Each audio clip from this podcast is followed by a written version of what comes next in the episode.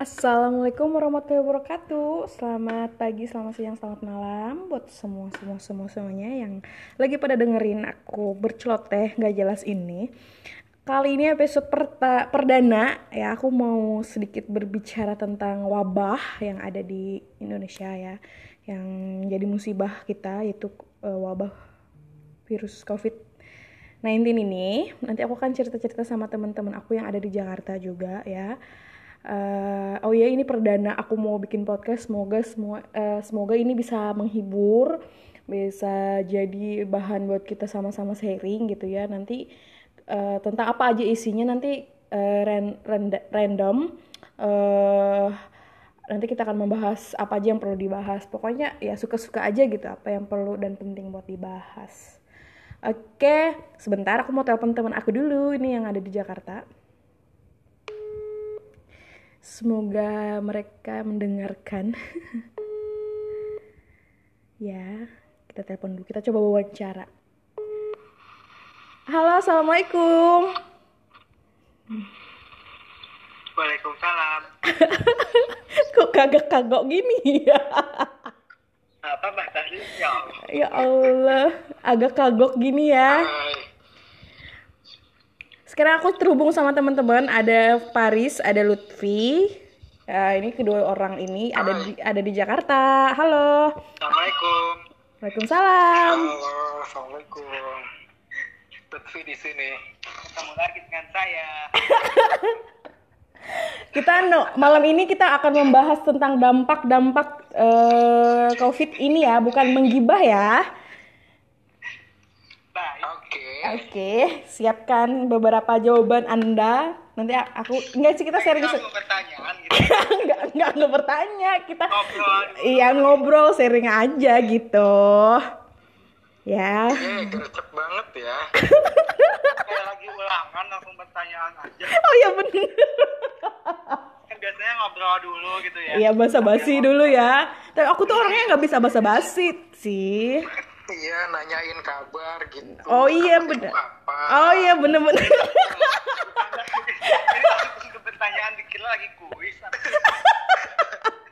Wis Ramadan kali ya ini. Gue. Aduh sumpah deh. Ya apa kabar nih Pak Is? Alhamdulillah sehat. Eh. Mbak tadi gimana? Alhamdulillah baik. Lutfi gimana? Aku luar biasa. Alhamdulillah sehat juga. Oh, Gak iya. apa-apa nih ya sambil makan basreng Oh ya. nggak apa-apa. Aku juga sambil ngopi-ngopi ini. Oke. Oke. Eh mau ngobrol apa ya bingung sih mau ngobrol apa ini by the way kon- konten eh, perdana bareng mereka kita jadi ini kalian orang pertama yang aku ajak gitu ya Wah. harusnya tuh kalian amazing terus harusnya kalian tuh kasih standing applause gitu Ini aku bisa berdiri loh mbak. oh iya Ya. Aku sambil koprol loh ini. oh iya Buk-buk lag-lag ya. oh ya aku mau ada sedikit tanya-tanya dikit nggak tanya-tanya sih ya ngobrol Ada aja itunya nggak sih? Ada eh, door prize-nya gitu. Door prize apa namanya? Eh, ho- eh nanti honornya aku kirim Baik. baiklah kan kita lagi sibuk nih ya mbak. oh ya maaf maaf Hmm. Meluangkan waktu itu kan. oh iya sibuk apa Pak Is sekarang sibuk apa Ya kan aku masih kerja mbak. oh iya oh Pak Is masih kerja Iya baik. Eh, masih kerja di mana Hah? kerja di mana Gak usah sebut merek kan ya? oh iya iya iya iya, iya.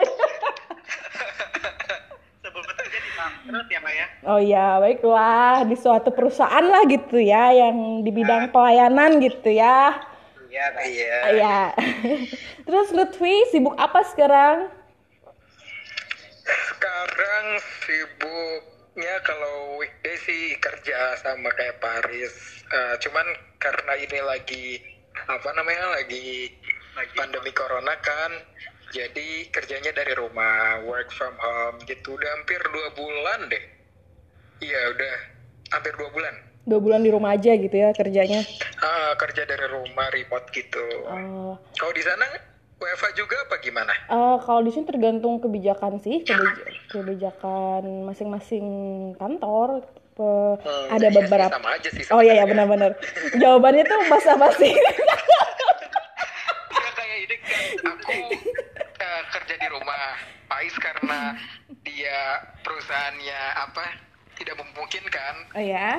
untuk bekerja di rumah jadi dia tetap kerja jadi nggak pernah WFH gitu loh. Jadi agak gimana ya di pandemi ini tuh jadi dilema gitu loh. Karena di satu sisi sebenarnya kita kan takut ya keluar karena apa banyak banyak resiko kita tertular kalau di luar gitu. Beda kalau kerja di rumah. Tapi satu sisi kan kita juga sebagai karyawan sebagai pekerja ya mau nggak mau harus ngikutin uh, apa kebijakan perusahaan kan gitu. Jadi ya kayak Pak Is ini atau kayak Mbak Tari yang mungkin belum bisa kerja di rumah jadi semangat terus ya. Iya.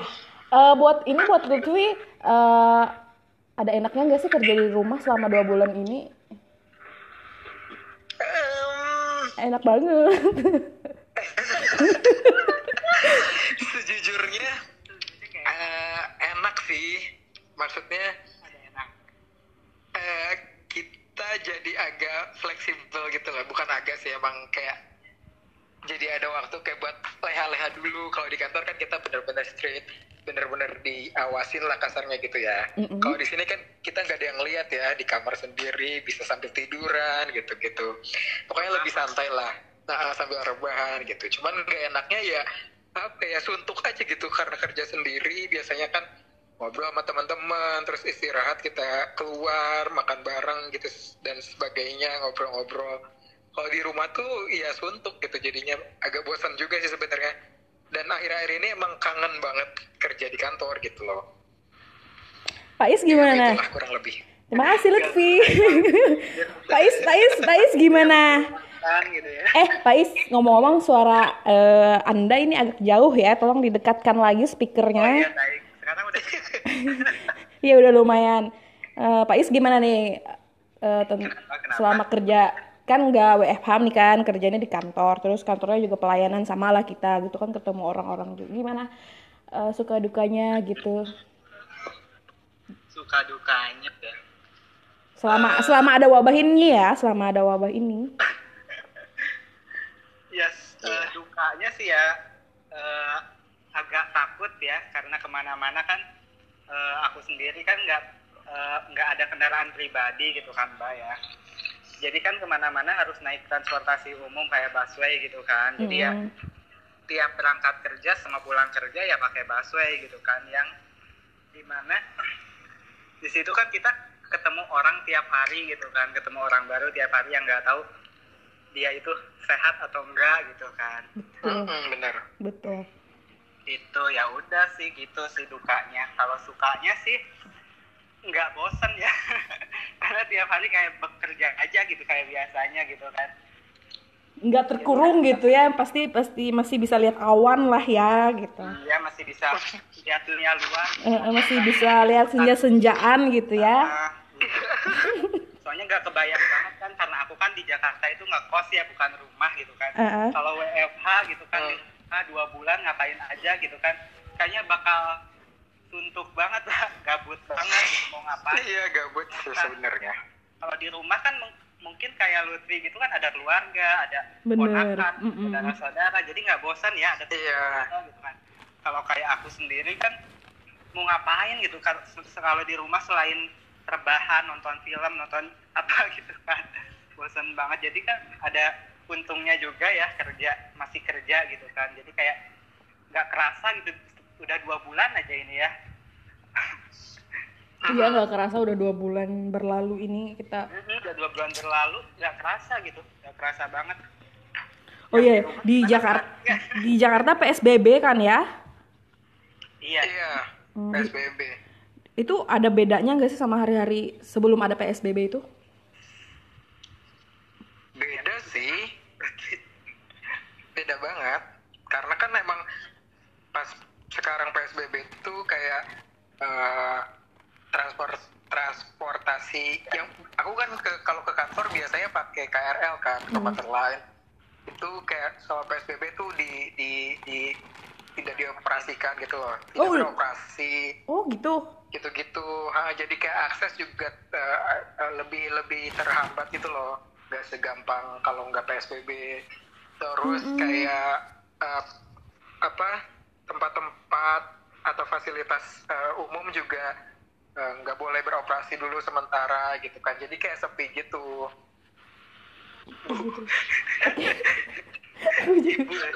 Ibu, ya Allah.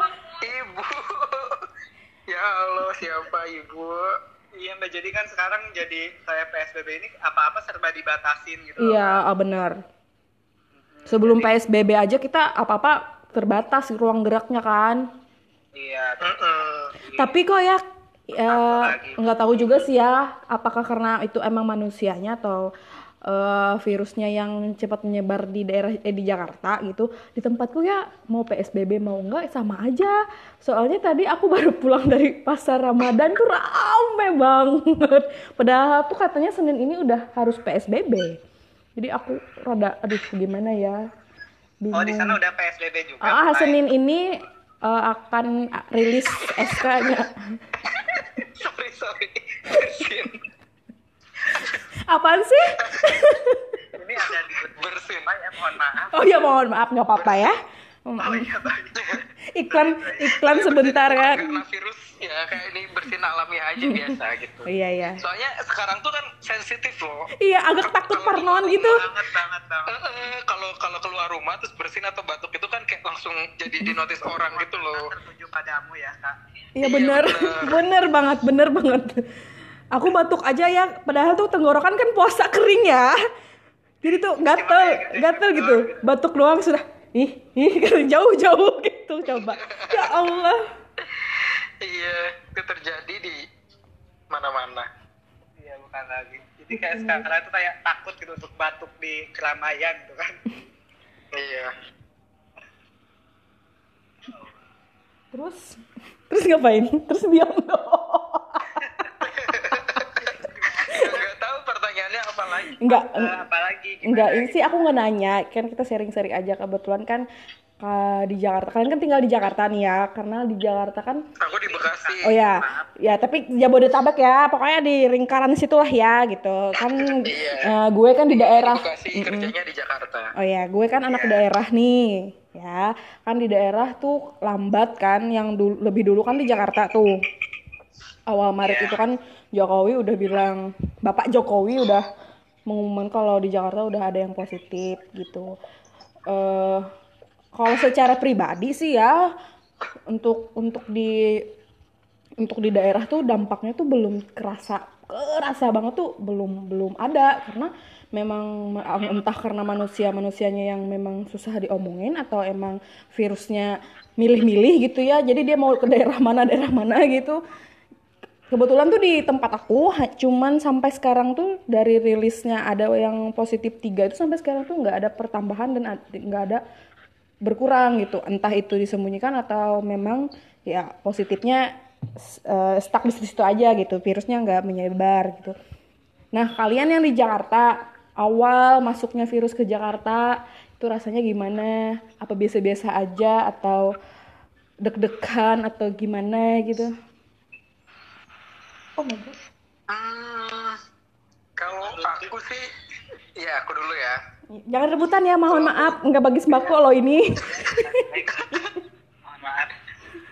Kalau aku jujur dari awal tuh kayak udah, udah, maksudnya kan ngikutin beritanya kan di mulai dari Wuhan di China itu kayak se- sebegitu cepatnya penularan si COVID-19 ini udah kayak udah ada udah udah ngikutin dan begitu ada informasi di Indonesia ada yang positif langsung kaget gitu kan ya Parno gitu apalagi waktu itu di Depok, Depok. apa Bogor ya Depok Depok ya. oh, Depok ya Iya, di mana eh, Depok itu adalah, ah, maksudnya orang Depok itu tuh kebanyakan kerjanya di Jakarta. Jadi kayak aku kan tiap hari di naik eh, kereta tuh dan eh, aku ke kantor itu emang pakai kereta yang jurusan dari Depok, Hmm. Depok Bogor gitu. Jadi kan kayak, aduh ini eh, ada kemungkinan gak ya bisa tertular gitu kan.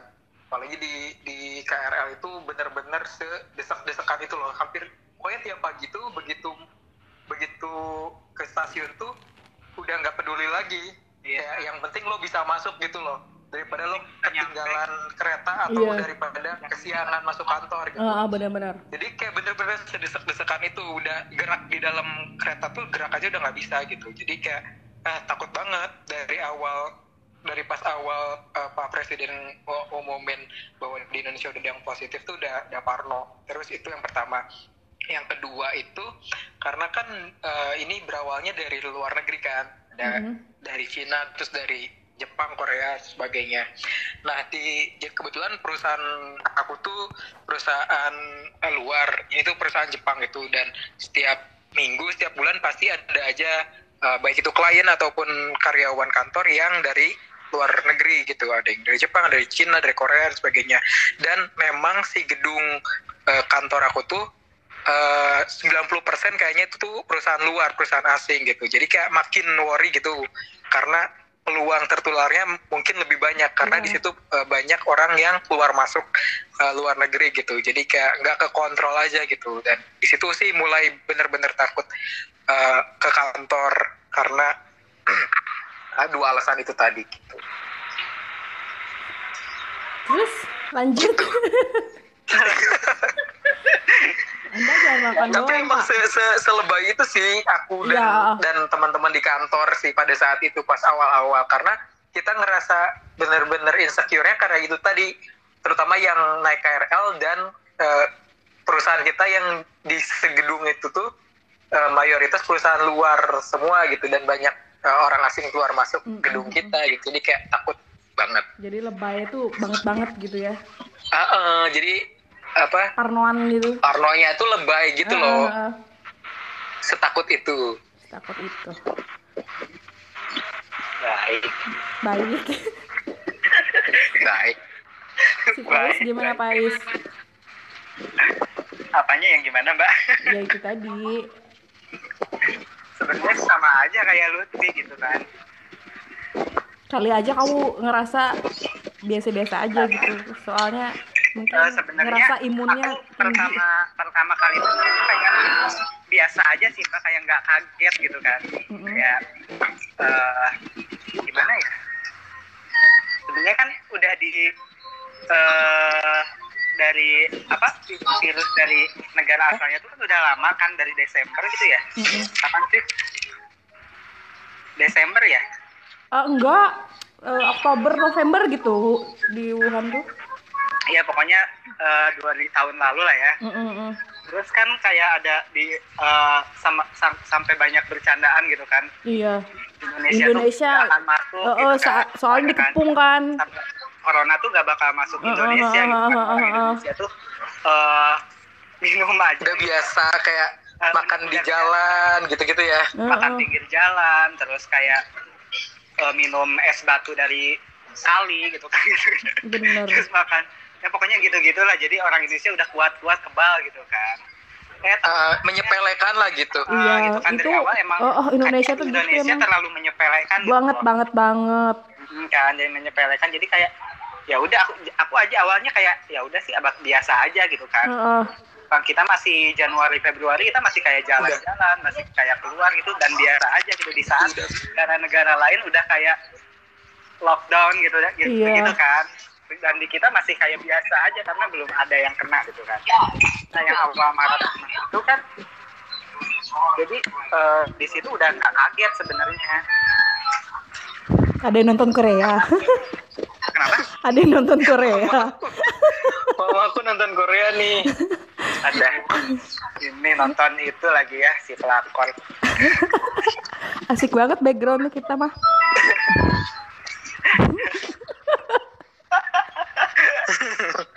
udah kok udah. Udah. Terus is, hmm? terus? Tadi sampai mana ya? Lupa gara-gara. lupa. Eh, yang ada positif di Indonesia tuh kayak udah nggak nggak eh, apa sih nggak kaget gitu. Heeh, heeh. karena tadinya emang eh, apa sih Eh, apa namanya? Apa namanya Apa sih? karena emang eh, orang Indonesia dari awal udah menyepelekan gitu, Iya kayak, bener.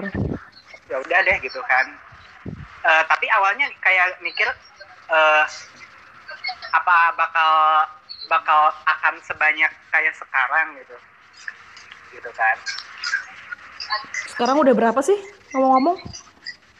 hmm, 11 ribu ya kalau 13 13 ribu Hmm. Iya, soalnya gi- gini ya, menurutku dari awal itu sebenarnya di Indonesia juga udah banyak, cuman kayak pemerintah itu eh, kurang tanggap gitu loh, kurang cepat penanganannya. Iya benar. Mungkin kalau dari dulu kayak udah ada swab test, terus ada rapid testnya cepat, banyak pemeriksaan, itu mungkin yang bakal kedeteksi kan lebih cepat Mm-mm. ketahuan kan, dan pasti penanganannya lebih cepat juga gitu. Jadi penyebarannya bisa agak terhambat. Tuh. Kalau sekarang eh, di Indonesia kan baru baru gencar-gencarnya sekarang tuh pada rapid test, pada swab test. Jadi kayak tiba-tiba dari berapa ya kemarin tuh tiga ratusan tiba-tiba ngelonjak-lonjak jadi ribuan gitu kan baru Iya. ketahuannya sekarang-sekarang makanya Hmm. aku bilang Indo- ah, di Indonesia tuh penanganannya yang lambat gitu Dan memang manusianya juga yang susah diatur. usianya juga iya sih iya benar-benar tapi ya gimana Hmm. juga apa ya kalau nggak keluar kayak kadang ada yang ya makan gitu kan Iya. Mm-mm, Ya, iya sih, kayak, cuma kayak lock, lock, lock, lock- lock- lockdown ini kan kayak banyak pro dan kontra kan karena Mm-mm. sebenarnya uh, si lockdown ini kan sebagai uh, uh, salah satu solusi sebenarnya yang yang Mm-mm. ampuh. Karena kan begitu orang diam di rumah ya udah uh, rantai uh, apa? Penyebaran. Penyebarannya. penularan ya penyebarannya akan akan uh, sedikit terhambat. Banyak malah banyak terhambat gitu dengan orang diam di rumah. Jadi kan nggak ada interaksi segala macam. Jadi nggak ada penularan gitu. Tapi Dan- kalau di Indonesia karena ya banyak yang kerja mau nggak mau harus memilih keluar rumah Oh, oh, untuk oh. bekerja gitu jadi susah juga gitu kalau di China kan mereka pemerintahnya eh, begitu lockdown ya ya udah lockdown dan eh, masyarakatnya benar-benar di, disejahterakan gitu dengan yang nggak kerja pun Nah, dikasih bantuan harusnya tuh, gitu bantuannya Ah, ah, tuh harusnya benar tuh harusnya nyampe. tuh ada tujuan. ada timbal balik lah. Ini dampaknya Ah, kalau lockdown tuh gimana gitu. Harusnya ada solusi dari pemerintah Harusnya nggak? nggak Kita- cuman sekedar lockdown lockdown doang. Nyuruh tapi nggak ada solusi Nah itu dia. Iya betul. Jadi kayak ya masyarakat juga sebenarnya bukan bandel-bandel amat ya. Iya. Enggak juga gitu karena mereka mempertahankan hidup juga gitu karena bukan mereka mikirnya gue nggak nggak akan mati corona tapi ma- mati kelaparan gitu karena mereka banyak yang kayak hidupnya bergantung sama penghasilan harian gitu. Mm, Kan hampir gitu-gitu. hampir separuh rakyat Indonesia kan buruh yang kerja lepas harian gitu kan. iya makanya Heeh. Kalau nggak kerja ya nggak makan gitu Nah itu dia. Heeh. Apalagi yang jual-jual, apalagi kayak cleaning yang service. kayak jual-jual Oh, oh, yang yang dapat Iya. penghasilan kayak ojek, ojek itu kan dapat penghasilannya per hari gitu kan, nggak per bulan-bulan gitu. Iya kayak apa ya, yang sering itu tukang gorengan misalkan Mm-mm. tukang apa sempolan, tukang cilok itu kan mereka kerja harus keluar dan setiap hari gitu kan. Iya Kerjanya memang menuntut untuk di luar rumah. Gitu. kalau buat kalian kalau awal- apa kalau buat kalian kalau buat kalian sendiri dari segi penghasilan ada berdampak nggak? Nggak ada ya? Em, Gaji tetap gitu ya? kalau aku sih alhamdulillah enggak mbak masih normal-normal aja Mm-mm, jadi Alhamdulillah. eh, nggak ada pengurangan nggak ada apa pun gitu lah alhamdulillahnya Mm, Alhamdulillahnya sih. Aku juga Ya. nggak ada pengurangan sih, cuman usaha aku stop banget. ya Allah banyak bener acara-acara yang di cancel gitu, jadi agak, aduh ini mau Lebaran lagi kan. Tapi ya tetap bersyukur aja, yang Iya. penting sehat-sehat aja sih. ya mana lebaran ya nggak bisa pulang aduh Iya, nggak bisa ke mana-mana. Tuti gimana aku alhamdulillah aku juga eh, nggak ada sih sejauh ini masih normal.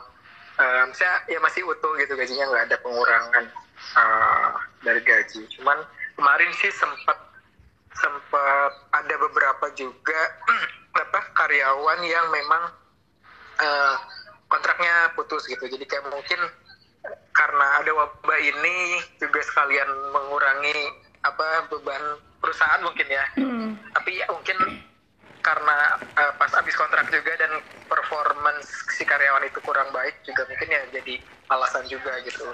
Sempat sih dengar ada beberapa karyawan yang di eh, yang diberhentikan kontraknya. Mm, yang kontrak ya, tapi kalau yang permanen sih nggak ada. Aku juga salah satu, aku kan masih kontrak kan di kantor, tapi ya alhamdulillahnya eh, aku nggak kemarin itu aw, eh bulan ini awal bulan ini tuh aku habis kontrak kemarin tanggal 4 Mei. Tapi ya aku diperpanjang alhamdulillahnya. Mungkin performanya bagus ya. Iya, benar, bagus. Eh, eh, sambil jualan ya Anda. banyak eh, beberapa tapi sama loh.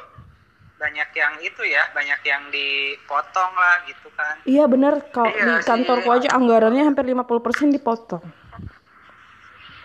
Terus ada yang THR-nya ditunda gitu, Ah, nggak dapat Nah, ini THR. nih yang yang yang jadi perbincangan hangat di di kantorku.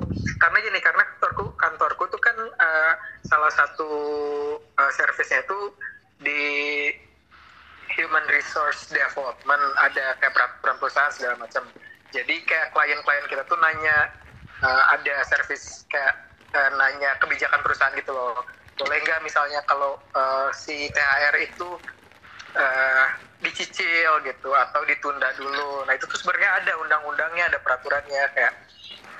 Dan yang aku tahu sebenarnya si THR itu wajib, benar-benar wajib dikasih ke karyawan. Nah Iya. tapi cara cara pendistribusiannya itu balik lagi ke kebijakan perusahaan dan atas persetujuan dari karyawannya. Jadi kayak misalkan si karyawan saat ini kondisi keuangannya, eh si perusahaan kondisi keuangannya lagi kurang stabil. Nah, si karyawan eh, bilang, eh si perusahaan bilang ke karyawannya THR-nya nggak akan cair sekarang, tapi kayak ditunda. Nah, itu tuh harus dikasih tahu ke karyawannya, nggak boleh nggak boleh Nggak boleh kalau apa? perusahaan nggak ngasih informasi itu tuh nggak boleh. Nggak boleh ditutupin gitu ya.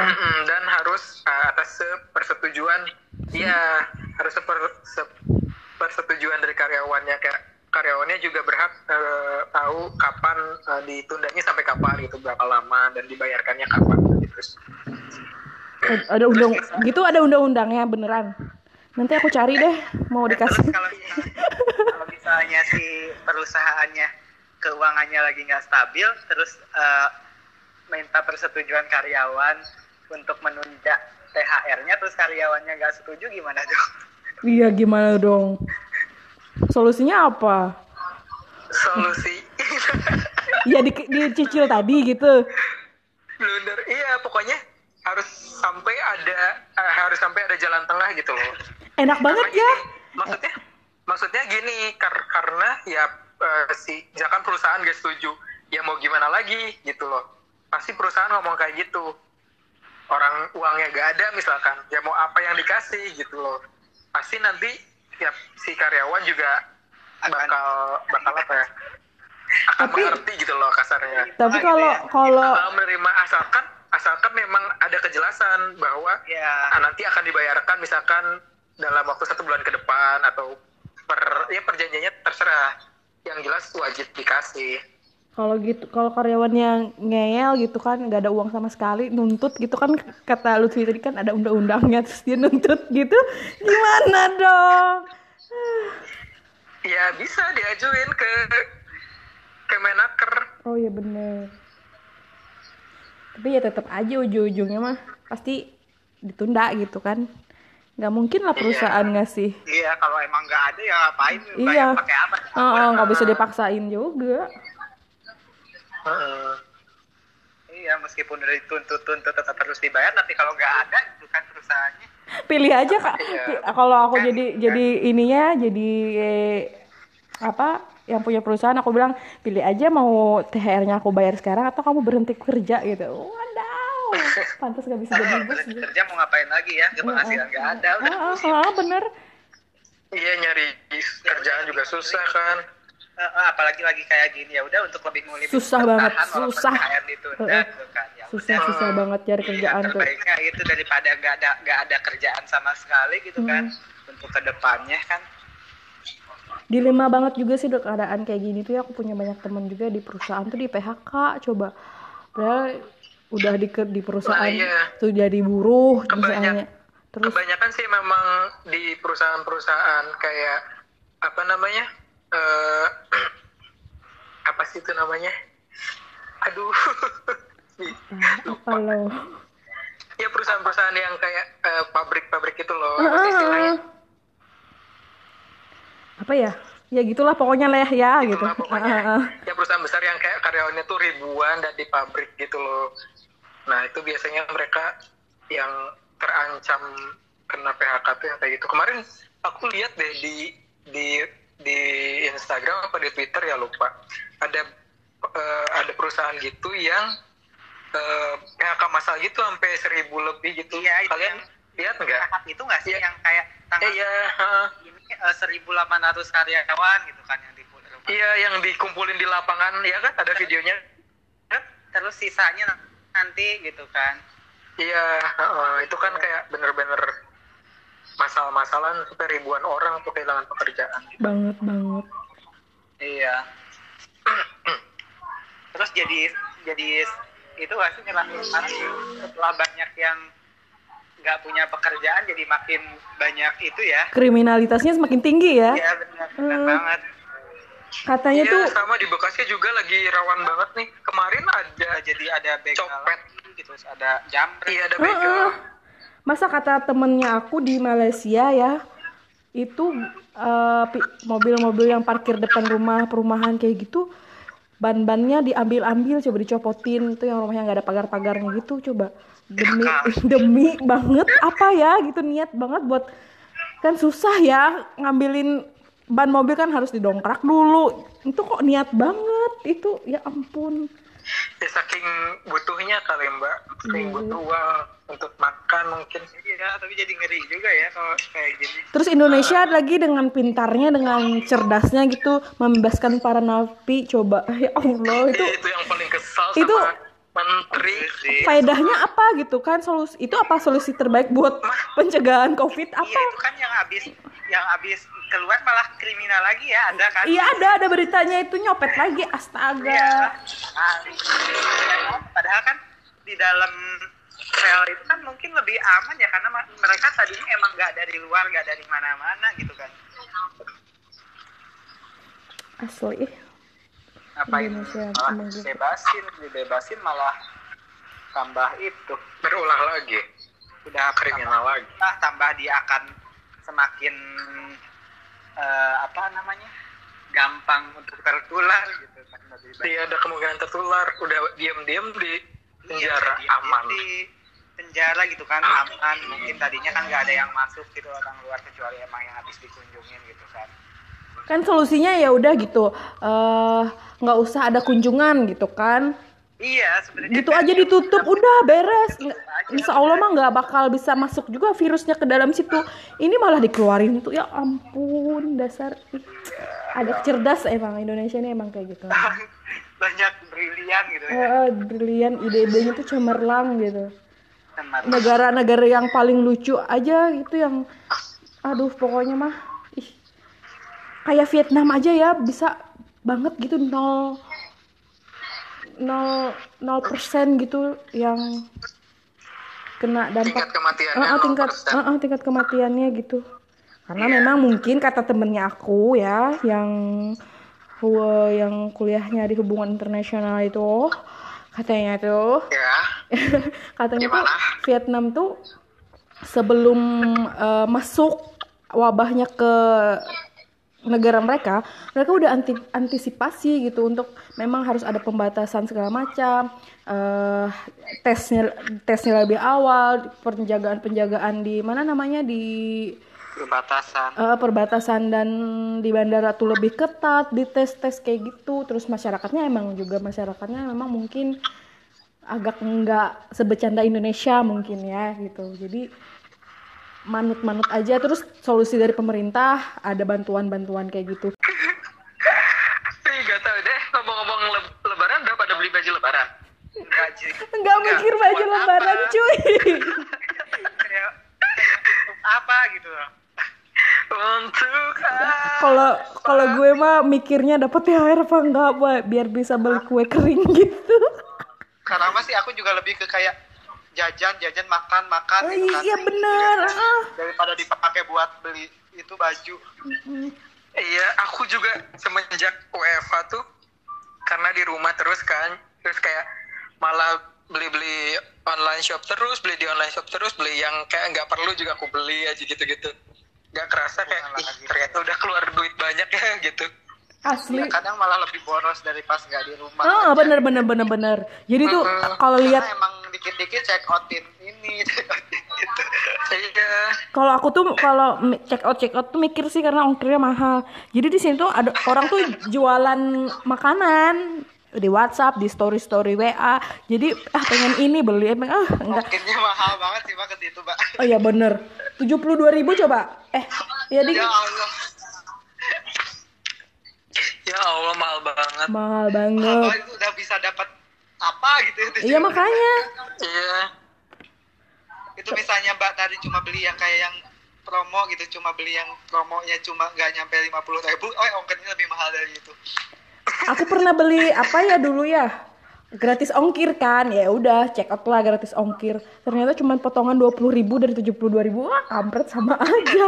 Kayak untuk apa ya? Buat apa coba Ih, gila mahal banget.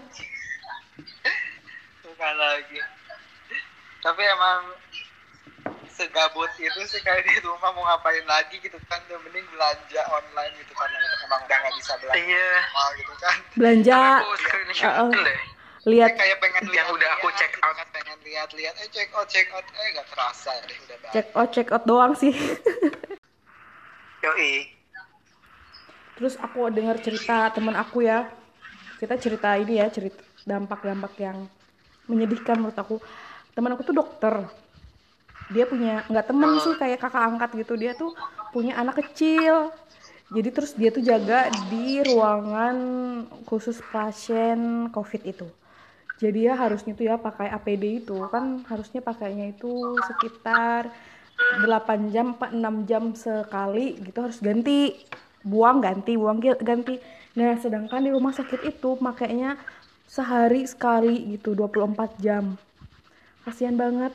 Coba terus eh, makainya dari dalam itu kan panas banget katanya itu berlapis-lapis kan. Panas banget saking sakingnya saking harus ya, ngiritnya gitu berlapis-lapis. Heeh, saking saking harus ngiritnya katanya soalnya tuh terbatas disediakan rumah sakit. Ya Allah aku bilang terus dia tuh sampai dua minggu gak ketemu anaknya kan?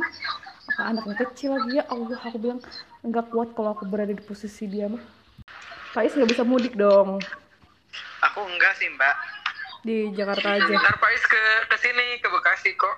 Tenang aja.